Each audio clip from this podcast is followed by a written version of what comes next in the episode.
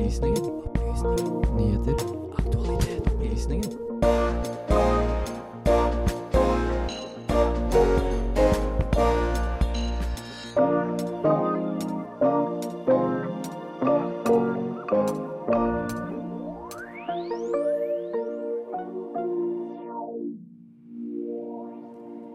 Hvordan kan bordeller knyttes til folkemord?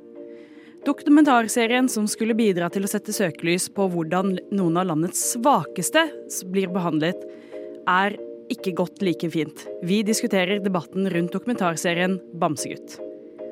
Hva er egentlig pustende klær? Vi forteller historien om Gore-Tex. Og i dag er det tross alt fredag, og da skal vi avslutte denne sendingen med en liten quiz, så det er bare å glede seg.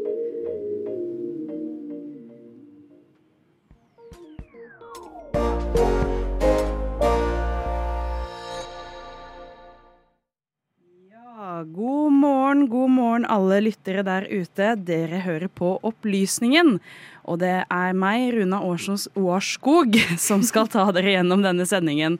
Men jeg er ikke alene i studio. Med meg i dag så har jeg Frida. God morgen. God morgen, Runa. God morgen. Har det vært en fin morgen? Ja, det har vært en veldig fin morgen. Jeg trives og koser meg. Det er sol ute og litt sånn eksamensstress, men det, pff, det preller av, rett og slett. Ja, det er bra. Vi er jo rett rundt eksamen, så har det vært en god morgen for deg da, Aurora? Ja, altså jeg må innrømme at det har vært en litt treig morgen. En litt treig uke. Det er jo det der med at det er mørkt og kaldt og eksamen og Men så kom jeg i tanke på at jeg skulle hit, og da ble fredagen mye bedre. Åh, Det er så sant, det der med at det er mørkt, og jeg får ikke til å stå opp. Mm. Og det er helt, uh, helt grusomt. Jeg sitter, eller ligger i senga så ser jeg ut som sånn Å, bare fem minutter til. Da er jo hintet bare å våkne seint nok. Sånn at man våkner når sola allerede har stått opp, er det ikke det? Jo, ja, det burde jo kanskje bare stått opp litt senere. Uh, men, Men så blir jo dagen så kort òg, ikke sant? Fordi da Ja. er det jo mørkt klokka fire. ja, i, Får man jo bare fem timer, da. ja, ikke sant. I går gikk jeg jo eh, fra Blindern litt tidlig bare for å gå ut i dagslys og heller tenke sånn Jeg setter meg ned igjen senere, Ja. fordi jeg, jeg må bare se sola, og det er sol i dag. Ja. Ja, men det gjorde du helt rett i. Altså, nå skal ikke jeg komme med nordnorske kortet igjen, men altså, dere klager mye. ja, absolutt. men. Men nei, altså, i går så var, gikk jeg til jobb da sola sto opp. Jeg så soloppgangen da jeg gikk til jobb, og så, gikk, så, så jeg solnedgangen da jeg dro fra jobb. Og da var jeg sånn Ja, det, det var mye, mye vitamin D på meg i dag, for å si det sånn. Eller kanskje det motsatte. Åh, ja, nei, jeg vet det. Vi klager mye her i sør på Mm. lite sol og mye mørke. Uh, men vi har faktisk ganske mange timer med sol i forhold til oppe i nord. Så ja. Men han har lov å klage uansett, da. Altså, man er jo her av en grunn. ja. Eller vi kan vri på det. Jeg var så heldig i går at jeg kunne dra tidlig fra Blindern og få sol. Ja, det, det er ikke alle som kan. Optimisme, Runa. Det er Ja, viktig. Er Glasset er halvfullt Mm, hele tida. 100 Eh, og glasset er halvfullt, men vi skal få litt mer musikk her på Radio Nova, eh, og så høres vi straks. Opplysningen Hver fredag 10 til 11. På Radio Nova.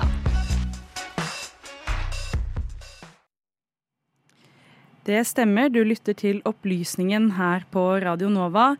Eh, og nå skal vi til en litt alvorlig sak eh, som mange kanskje ikke har hørt om. For det er jo sånn at det fins en del kriser der ute som er skjulte for oss her hjemme. Hva tenker du om det, Frida? At ikke vi får så mye informasjon som vi kanskje burde? Altså, det vanlige er jo kanskje at det er et skille mellom øst og vest på de her tingene. Eh, Vi blir veldig mye informert, det er veldig mye i media, om eh, konflikter, krise, historiske ting som skjer i Vesten. Mens ting fra Østen gjerne ikke får så mye fokus, og man lærer kun om det, sånn som du, Runa, sier at ja, du hadde et fag om det vi skal høre sak om, og derfor så hadde du litt eh, kunnskap om det. Men før dette så hadde jeg veldig lite kunnskap om ja, konflikter fra Østen, eller konflikter som ja, ikke Mm. Ja, har vært så mye i søkelyset for oss. Hadde du hørt om uh, saken tidligere, Aurora? Uh, nei, det hadde jeg ikke hørt om. Um, så jeg er veldig Det var fint å på en måte Ikke fint, det er jo vonde ting som skjer, men jeg føler det er viktig at man klarer å bli opplyst over på en måte alle sider av alle saker. Og gjerne også det som går utover det som er nærme, da. På en måte. Mm. Det syns jeg er veldig viktig. Ja, for dette er jo en ganske I hvert fall for oss her er i nord en Mm. gjenglemt sak. Og den har jo vært større tidligere, da det pågikk, men uh, har ikke fått det samme oppmerksomheten senere. Uh, og uh, vår reporter Katinka Hilstad har jo da tatt tak i dette og sett litt mer på det. Eh, og i liksom forlengelsen av, av femcellssaken sin. Um, så en liten sånn disclaimer til alle som driver og lytter. Dette er en alvorlig sak. Den er ganske grafisk skildret, eh, så den kan være litt vond å høre på. Eh, men den er viktig at vi får fram også. Historien om gledespikenes mørke skjebne. Mange har kanskje hørt om Japans grusomme handlinger under andre verdenskrig. Og vi har alle lært på både ungdomsskolen og videregående om Japans kamikazefly og folkemord. For dagens tema så har det vært å gravd ganske mye på nettet for å finne de beste kildene. FNs høykommisjon for menneskerettigheter, history.com, Amnesty International, NRK, historienett.no og Wikipedia for de små detaljene. Det vi kanskje vet litt mindre om, er hva som skjedde med gledespikene. Men hva er historien bak de 400 000 skjebnene som endte opp som sexslaver? Vi må tilbake til 1932, hvor Japan invaderer byen Shanghai i Kina. Her foregår det masse voldtekt av kinesiske kvinner, og det er også her de oppretter bordellene. Men etter Nanjing-massakren i 1937 blir det en dobling av bordeller som blir tatt i bruk rundt om de japansk-okkuperte landene i Asia. For det var på noen få uker at over 300 000 mennesker ble drept. De ble plyndra og voldtatt og fikk husene sine brent ned. Det ble også oppretta tydelige retningslinjer blant japanske soldater om at om de skulle voldta, måtte de også drepe ofrene sine. Dette var for å unngå å spore hvem forbryteren var. Så hvorfor begynte egentlig den japanske hæren med bordeller? Voldtekt har ofte blitt brukt som en form for belønnelse for militært personell i krig. Fra et historisk perspektiv har plyndring og voldtekt blitt brukt som et alternativ for lønn. I enkelte situasjoner har det blitt brukt som en måte å skape skam og ødeleggelse for landsbyer og byer. Bordeller ble tatt i bruk for å unngå massevoldtekter og spredning av kjønnssykdommer på sivilbefolkninga. Et annet grunnlag for å starte med dette var for at de sivile ikke skulle få tak i hemmelig informasjon fra japanske offiserer. Jenter helt ned i tolvårsalderen ble kidnappa på landeveier og fra sine egne hjem av japanske soldater. Store deler av ofrene var fra Korea, men de var også fra Kina, Filippinene og noen var fra Europa. Det har i senere tid blitt publisert informasjon om hvor mange bordeller som var i de ulike byene og landene. I Nord-Kina var det omkring 100 bordeller. 140 i den sentrale delen av Kina og 40 sør i Kina. Totalt er det her 280 bordeller i Kina alene. 30 på Filippinene og 50 i Burma og over 40 i Indonesia.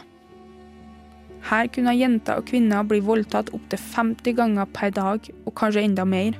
Mange av de gjenlevende kvinnene har blitt intervjua gjennom årene, og her fortalte de om den grusomme tida.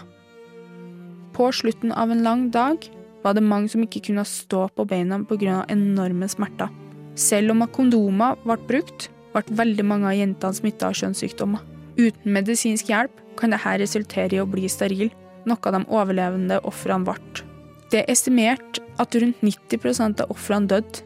Mange begikk selvmord, men noen ble også tvunget til å ta selvmord. Da Japan bl.a. tapte slaget mot Singapore, måtte de trekke seg tilbake. Det var også ganske normalt under en tilbaketrekkelse at de drepte gledespikene for at ingen skulle vite hva som nettopp skjedde i leirene. Etter å ha lest det her, sitter jeg igjen med noen spørsmål. Hvordan ble Japans grusomme handlinger håndtert etter krigen? Og hvordan er forholdet mellom Japan og Sør-Korea i dag? Japan har kommet med et par beklagelser, men det er mange som mener at dette har vært likegyldig, og at det ikke ikke har vært en genuin beklagelse. I 1998 hadde den japanske høyesteretten vedtatt at ofrene skulle kompenseres for det som skjedde under krigen.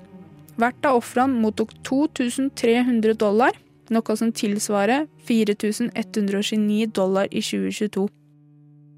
Til den dag i dag har de to landene hatt et nokså anstrengt forhold, men har prøvd å opprettholde en nokså greit diplomatisk forhold.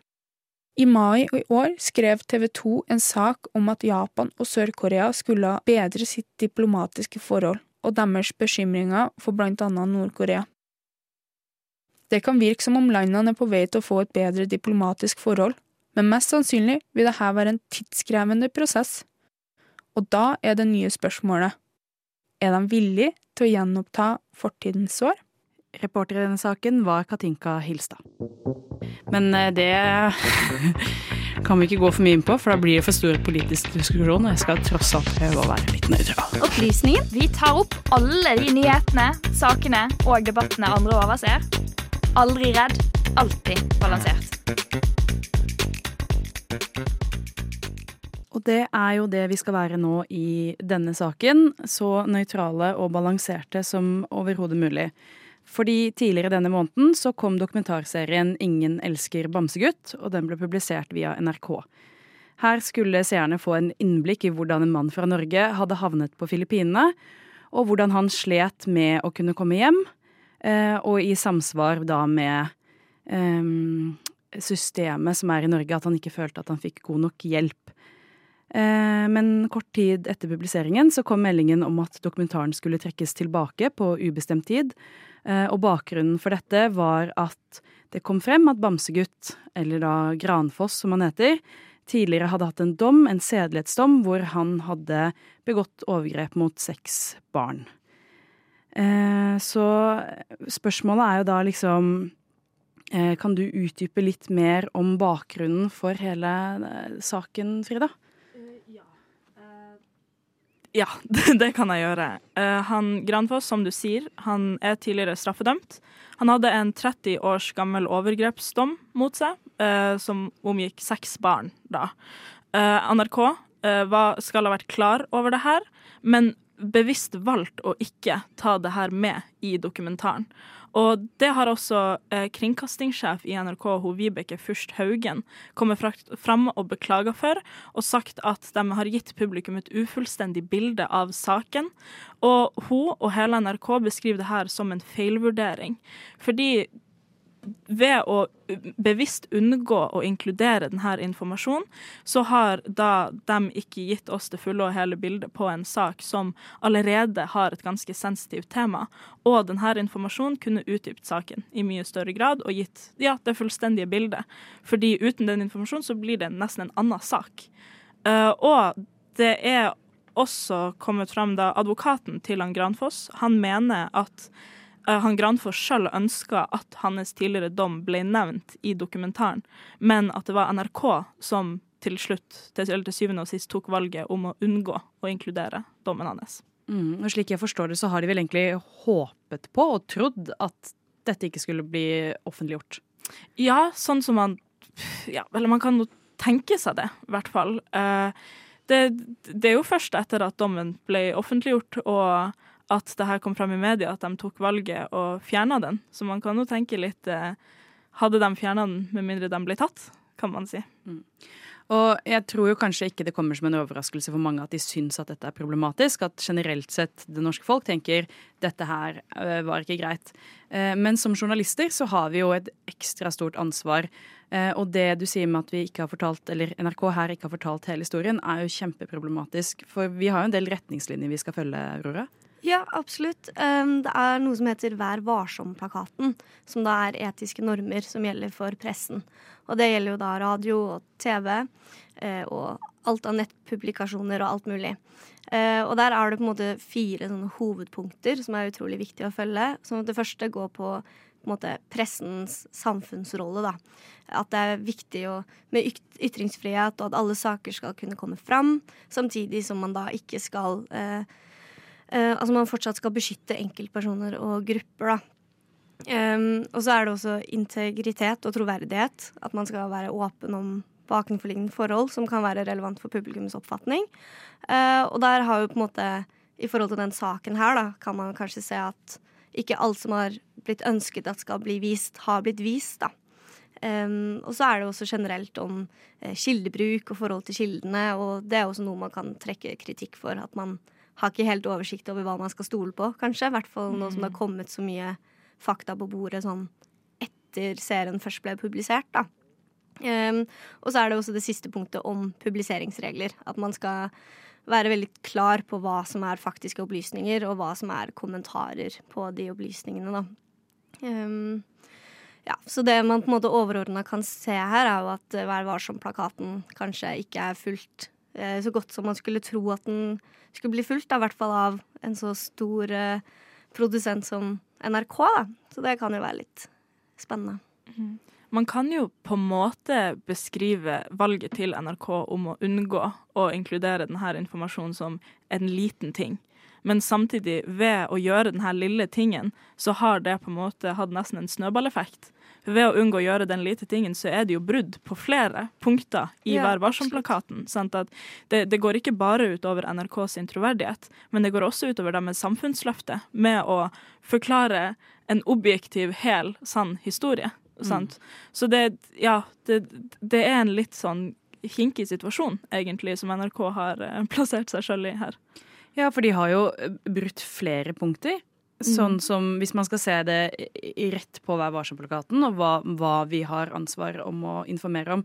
Uh, og i tillegg til det så er det jo en del um, ofre i saken. Du har de seks barna som har blitt utsatt for det Granfoss gjorde for 30 år siden. Og ja, han har sonet dommen sin, og vi er jo i et land hvor vi mener at rehabilitering er løsningen på ting. Og det har jo noen av disse barna, eller de som er voksne nå, da, i dag, ofrene, sagt at det var ikke det som var problemet. Problemet var at historien ikke ble fortalt.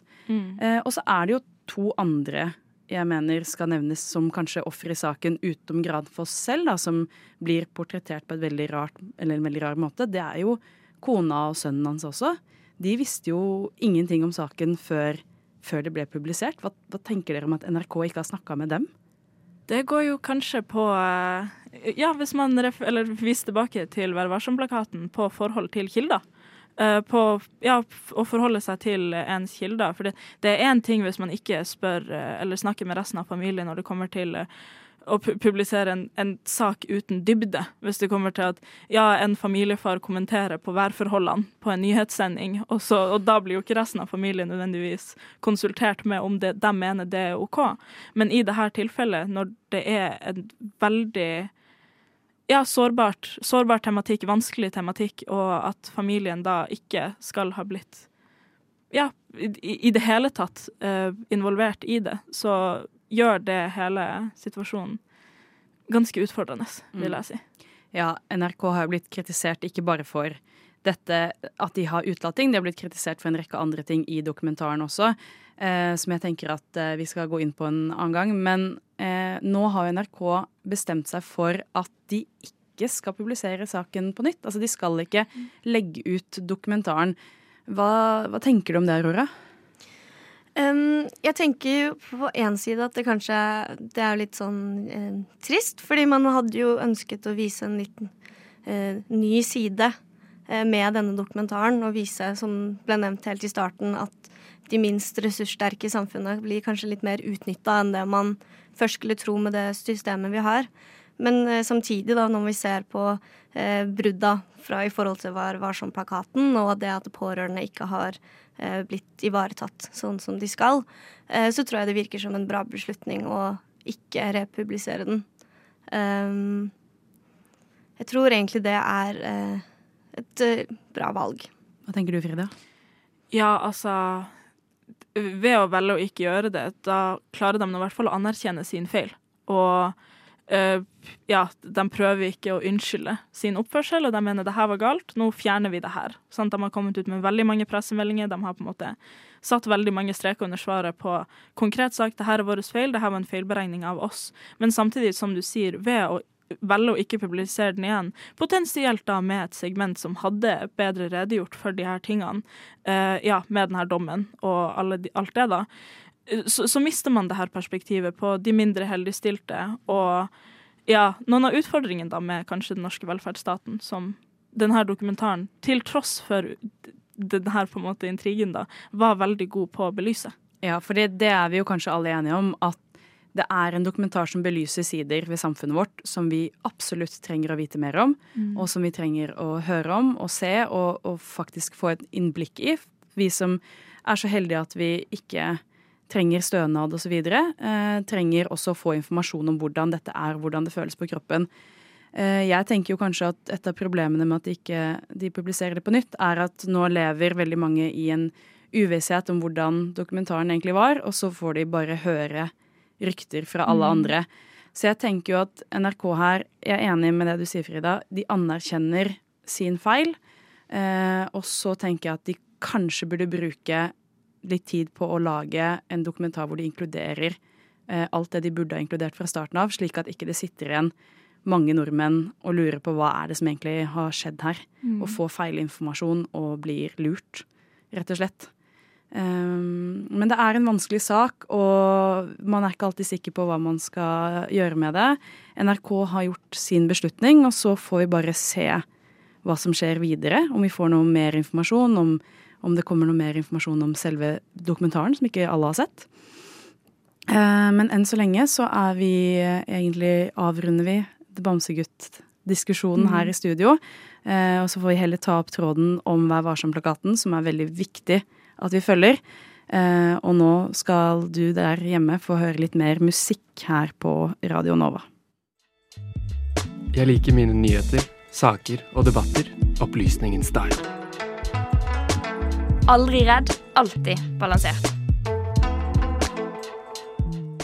Ja, velkommen tilbake til Opplysningen. Eh, jeg har et spørsmål til eh, deg, Aurora. Går du mye på tur i skogen? uh, hvis mamma hører på, så sier jeg ja. Men hvis ikke, så nei. Ikke så mye som jeg kanskje skulle ønske. Hva med deg, Frida? Jeg er oppfostra i telt, så da er jeg i skogen. Nei, det, det blir ikke mye turer nå til dags, men, eh, men turhjertet er nå alltid til stede. Ja, eh, for det verste når man er på tur i skogen, det er jo å bli våt og kald. Det ødelegger hele turopplevelsen. eh, Og det tror jeg jo dere to kan si dere er ganske enig i, selv om dere ikke går så mye på tur. 100%. Ja. Men det er fryktelig irriterende. Og eh, derfor så har vi fått et produkt for noe, ja, ganske lenge siden som heter Gore-Tex. Eh, som liksom skal holde oss eh, varme og tørre og få svetten ut. Men hvordan funker egentlig dette? Det har vår reporter Amalie Sundby sett på.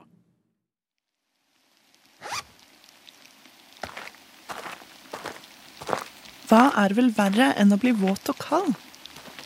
Gjennom tidene har vi mennesker alltid forsøkt å løse problemene våre med teknologi. Og et av kapitlene i denne historien er historien om Gore-Tex. Du har garantert sett det.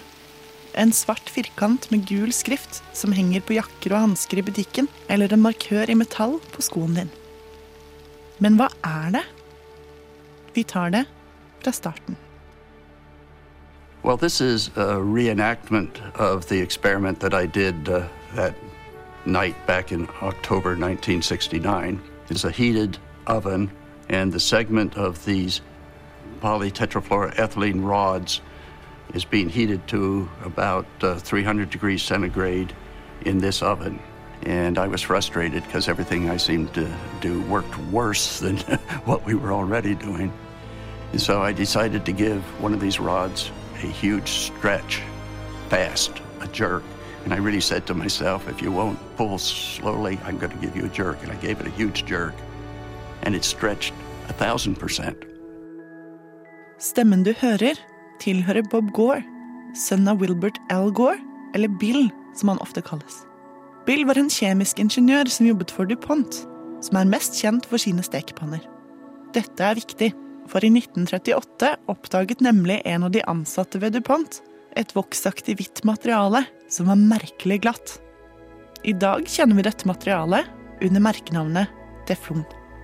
Problemet med teflon, eller PTFE, som jeg vil kalle det heretter, var at man ikke visste helt hva det kunne brukes til. Bill Gore forlot derfor DuPont, startet sitt eget selskap, W.L. Gore and Associates og startet arbeidet med å finne et bruksområde.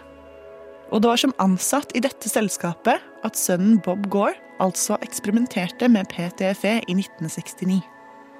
Gore oppdaget at ved å bruke en plutselig kraft på en oppvarmet stang av PTFE, kunne han strekke den med opptil 800% og oppdaget dermed e-PTFE, altså utvidet polytetrafluoreten.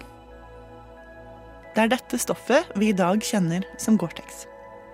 Her er det mye kjemi, men jeg forstår fremdeles ikke hva teflon har med klær og sko å gjøre. Jeg vet akkurat hvem som kan hjelpe humanister som meg å bli litt klokere. Hei, jeg er Ola Nilsen. Jeg er professor i uorganisk kjemi. Også jobber mye innenfor nanoteknologi. Kan du forklare hva er egentlig Gore-Tex? Gore-Tex ja, det er et uh, merkevare. Det er et handelsnavn på noe tekstil og stoff som jeg gjerne Eller det er en flerlagsstruktur, så Gore-Tex er liksom ikke én ting. Uh, men felles for alle disse her er at det har en veldig tynn, porøs teflonmembran i seg. Hvis du hadde tatt den Gore-Tex-jakka og delt den opp, så ville du ha sett på hver sin side, eller eh, alt etter hva slags type jakke du hadde kjøpt, så hadde du i hvert fall hatt et stoff Det du ser, er et egentlig helt vanlig nylonstoff til ofte, eller kunne vært et ullstoff, kunne vært noe annet. Men inni der så ligger det en veldig tynn membran. Den er gjerne hvit. Eh, og tenk deg den eh, folien du bruker for å pakke inn maten din hjemme, den plastfolien her. Noe i den eh, gata der, men hvis du hadde klart å fokusere enda lenger inn på den, så ville du sett at den har kjempesmå høl. De hølene er uh, gjettet på en sånn rundt noen hundre vannmolekylers uh, størrelse. Og da prater vi om uh, noen nanometer. Og de er så små at en vanlig vanndråpe går ikke gjennom. Men gassvannmolekyler går gjennom. PTFE er et hydrofobt materiale. Det vil si at det frastøter seg vann. Du finner noen lignende ting ute i naturen også. Jeg vet ikke om du har hørt om lotusplanten og dens eh, selvrensende egenskaper. Og du finner den ikke bare i lotusplanten, men det er lotuseffekten jeg skal frem til. Når det har regna, så vil du se vanndråpene de ruller seg rundt på bladene, legger seg et eller annet sted, og du ser en sånn der, eh, skimrende effekt under vanndråpa. Og det er vanndråpene som står og danser på små voksknotter avstanden mellom de voksknottene er omtrent det samme som avstanden mellom eh, porene, eller i, i en størrelse på porene i den teflonjakka. Og da får du danna en sånn lufthinne imellom. Og den lufthinna eh, Vann har en det vi kaller for stor overflatespenning til luft. Vann den eh, liker egentlig ikke luft i det hele tatt. Så, så da danser den oppå de knottene. Til forskjell fra lotusplanten har membranene i pustende klær porer tvers gjennom slik at dampen fra vår egen kropp slipper ut og ikke blir til svette. Det er denne egenskapen som har gjort Gore-Tex og lignende klær så populære blant mosjonister og friluftsmennesker. Men, og det er et stort men her, Gore-Tex er utvidet teflon. Og teflon har jo et dårlig rykte. Mange jeg har snakket med, har i lang tid trodd at teflon er forbudt, og de fleste stekepanner som bruker PTFE som belegg, kaller det i stedet for nonstick, for å unngå stigmaet rundt ordet teflon. Når det gjelder Gore-Tex, er saken en helt annen. Gore tok nemlig patent på oppdagelsen sin, og det ga selskapet et så stort konkurransefortrinn at de i 2010 ble klaget inn til EU for brudd på konkurransereglene. I artikkelen 'Insane in the Membrane' fra 2021 skriver journalist Mike Kessler at Gore krever at lisenshaverne bruker begrepet Gore-Tex et sted i navnet på produktet eller på selve varen, og oppfordret dem til å feste den nå berømte diamantformede svarte hengelappen til plaggene. Selskapene som lager Gore-Tex-klær, er også pålagt å bruke Gore-sertifiserte fabrikker og maskiner. Maskinene er vanligvis patenterte, produsert og leid ut i fabrikkene av Gore selv. Til gjengjeld for disse strenge reglene garanterer selskapet for at alle lisensierte Gore-Tex-produkter skal være vindtette vanntette og pustende, uavhengig av produsent og utsalgssted.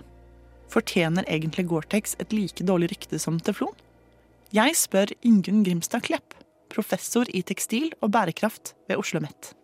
Professoren er på reisefot, men har tid til å snakke med meg over telefon. Altså, de membranene som brukes for å gjøre klær det som industrien kaller pustende, brukes det kjemikalier som er absolutt problematiske. Eh, og vi har hatt eh, flere runder om dette, og noen av disse stoffene har blitt forbudt.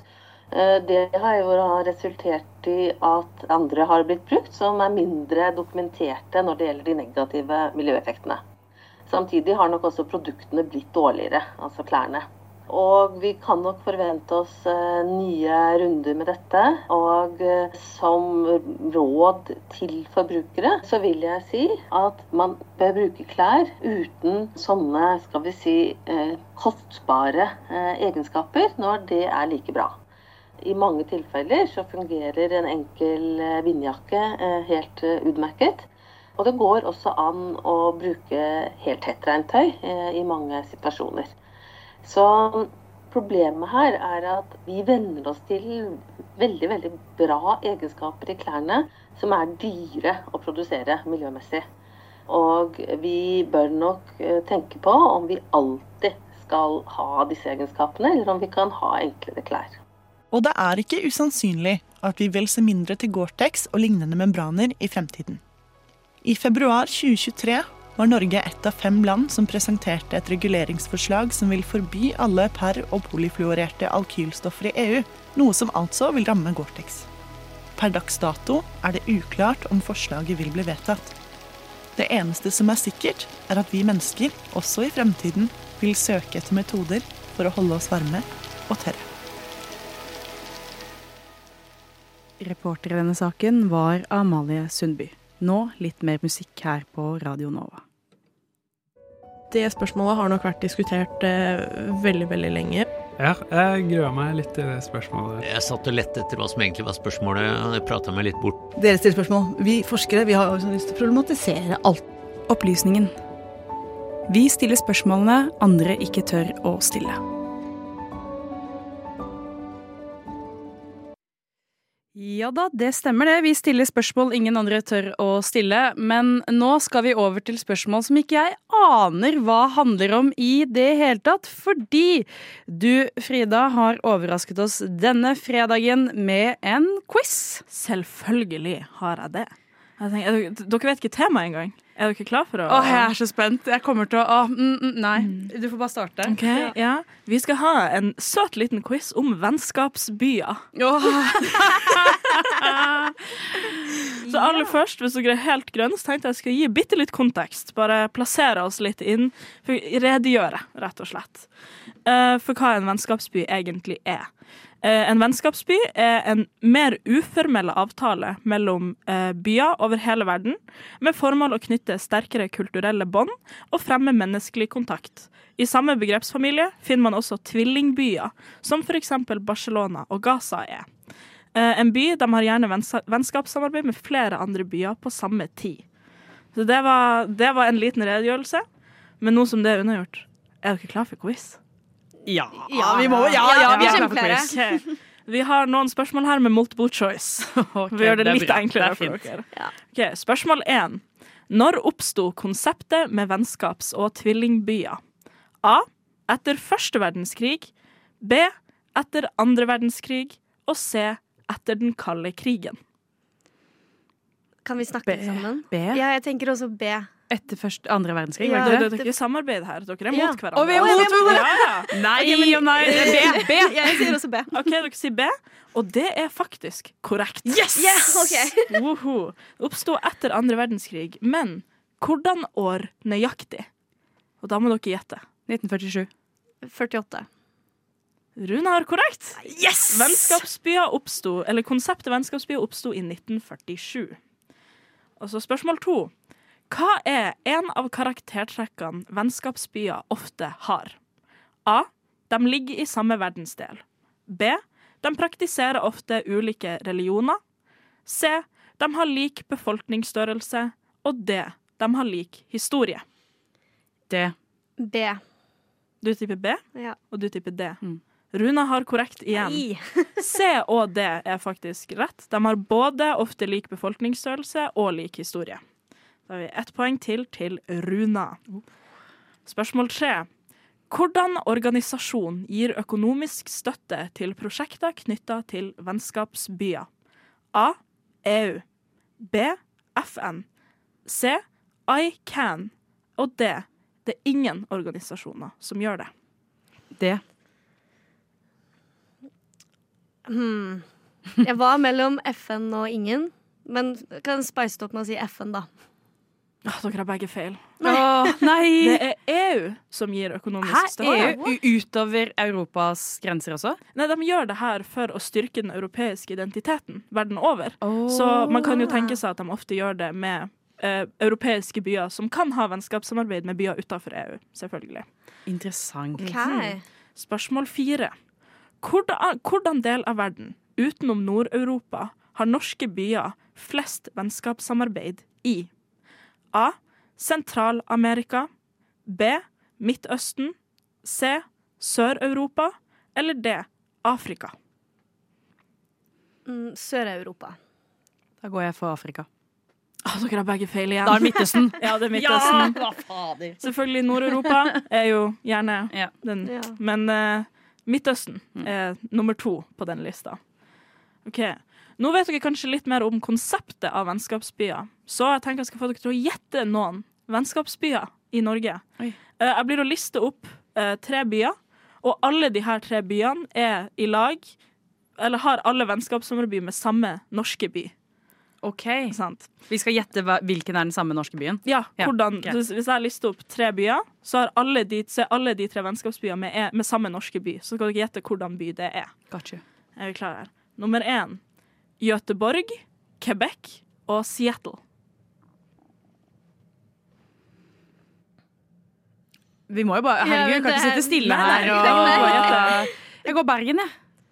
Um, å, um, det hadde vært gøy hvis det var sånn Drøbak eller noe. Noe skikkelig random eh, sted. Eh, Ålesund. Ålesund. Faen, sjokkerende at Runa, du fikk faktisk rett her. Det er Bergen. Og da må man tenke litt på, på en måte, karaktertrekkene, da. Da må man kanskje like befolkningsstørrelse eller like historie. Og blant annet Göteborg er vel den nest største byen i Sverige. Mm. Quebec er den nest største byen i Canada. Sant? Så da knyttes det litt sammen der. Og så nummer to. Karlstad, Nokia og Virginia Beach. Har eh, vennskapsby i Norge? Ja. Eh, og, eh, Tromsø. Jeg hadde egentlig tenkt å si Tromsø, jeg òg. Jeg har ikke noe bedre forslag. Ja. Nei, men Lillesand. Vi går på andre sida. Jeg må spre kort. Ja, jeg, jeg kan kommune, jeg kan bare ikke noe mer enn Det er faktisk Moss. Ja, det hadde jeg aldri gjetta. Nei. Nei, for Amalie er jo fra Moss, og hun nevnte det her på et av våre redaksjonsmøter her for litt Ja. siden. Det Det kan hende jeg hadde mista en maske på strikketøyet mitt da. Så. Ok, nummer tre. Odense, Split og Nordkjøping. Jeg går for Tromsø igjen, jeg. Bare for at det Ja, men hvis ikke du har med noe fra deg selv, så ja. Eller Kanskje jeg ikke er en egoist, hæ? Nei, satan. Unnskyld. Uh, OK. Hmm. Den her er faktisk litt snill på. Det er ikke en underground by, liksom. Det er noe man vet hva er. Ja, ja. Man vet byen. Veldig godt, vil jeg håpe. OK, Oslo. Nei. Mm, det er Trondheim. Å, det, var, det var nummer to. Jeg var sånn Nei, nei, nei. nei. Ja. Spørsmål fire her på noe litt annet. Hvordan norsk by hadde vennskapssamarbeid med de tre russiske byene Arkangelsk, Murmansk og Nadim frem til invasjonen av Ukraina i 2022, da avtalene ble sagt opp? Er dette også sånn eh, Moss-opplegg, eh, Frida? Men dette er også en kjent by. Dette er, det, er en, det er liksom av de ti største. byene, Ja, ikke kan man sant. si. Mm. Det er ikke sånn at jeg har gått for ja, den lille bygda utafor Ja. Narvik. Liksom. Narvik. Var det et Jeg tenkte, nei, men um, så, hmm. Røros en by? Ja, er det ikke det? Jeg kan si um, Vardø. Jeg går for Ålesund, jeg, da. Ah, hadde du fortsatt på Med Tromsø! toget? Ja, det er nok Tromsø, rett og slett. Så det rekker vi kanskje ett til eh, spørsmål? Ja, vi rekker et ett Et til spørsmål. Så kan vi si, vil dere eh, Runa, du har fire poeng, Aurora, du har ett. Vil dere ta all or nothing her? Ja. Nei! OK, siste. Nevn én av Oslos vennskapsbyer. Mm, København. Du sier København? Mm, Roma. Det er et lurespørsmål. Oslo har ingen vennskapsbyer. Ah. Og med at Oslo ikke har noen vennskapsbyer, så får vi forlate denne quizen. Det gikk relativt greit. Da sier du. Jeg er fornøyd. Uh, og da feirer vi med litt musikk, tenker jeg. Dette her er imperialisme av verste sort, hvor hele verden er skal vi si, med i et gedigent system som er forurensende og urettferdig. Du hører på Radio Novas samfunns- og aktualitetsmagasin, Opplysningen. Ja, nå hører du snart ikke lenger på Opplysningen. Det er vel egentlig bare for oss å ønske alle en ganske god helg. Skal du noe gøy, Frida? nei. Nei. Nei. Hadde du noe gøy, Aurora? Nei, egentlig ikke. Nei, da var det bare jeg som skulle noe gøy. Det, blir, det er fint, det. At det bare var meg. Eh, Da er det bare for meg å si at eh, medvirkende i denne sendingen det har vært Katinka Hilstad og Mali Sundby. Eh, Og med meg i studio hatt Frida Kristine Mogård og Aurora Tobiassen. Takk for det. Eh, Og mitt navn er Runa Årskog. Og rett etter denne sendingen så kommer studentnyhetene, og da er det ikke noen grunn til å skru av. Eller hva, Frida? Absolutt ikke. Nei, det syns jeg ikke. Jeg syns dere skal bli og lytte til studentnyhetene som kommer etter oss. Mhm. Men før det skal dere selvfølgelig få musikk. Her er Severin med 'Hjertelaus'.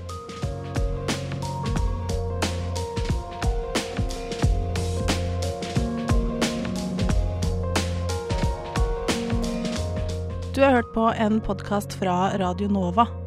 Finn flere podkaster på din foretrukne podkastavspiller eller radionova.no.